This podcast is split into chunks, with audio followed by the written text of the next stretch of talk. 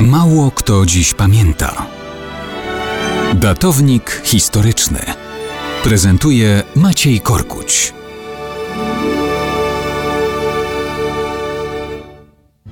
Siedemnastego stycznia 1945 roku Armia Czerwona weszła do ruin Warszawy po tym, jak umożliwiła Niemcom stłumienie powstania warszawskiego i niemal półroczne, bezkarne niszczenie miasta.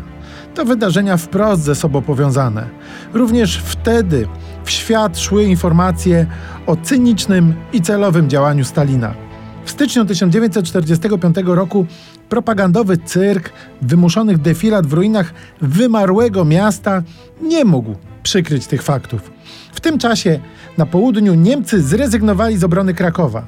Ważniejsze było przemysłowe zagłębie górnośląskie. Prące w kierunku Śląska siły sowieckie nieoczekiwanie znalazły się na północ od miasta. Jego zajęcie stało się więc możliwe z tego kierunku, a nie od wschodu.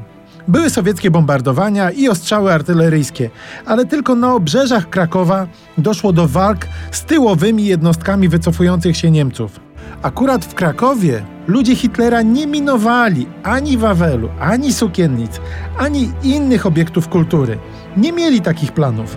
Rosjanie wchodzą do miasta. Propaganda rzekomego wyzwolenia jest standardowa, rozkręcana równolegle z narastającymi aresztowaniami wśród żołnierzy Armii Krajowej i ludzi polskiego państwa podziemnego. Polska ma być folwarkiem Stalina.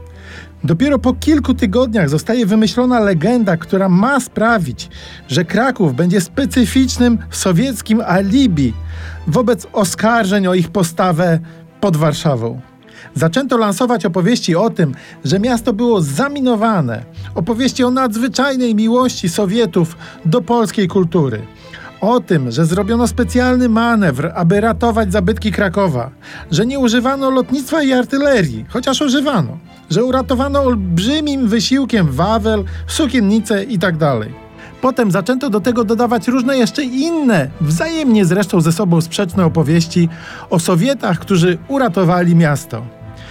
Niektórzy z nich przecinali kabel, którego nie było, do ładunków, których też nie było. I tak rzekoma miłość do Krakowa miała być również dowodem na absolutną sowiecką miłość do Warszawy.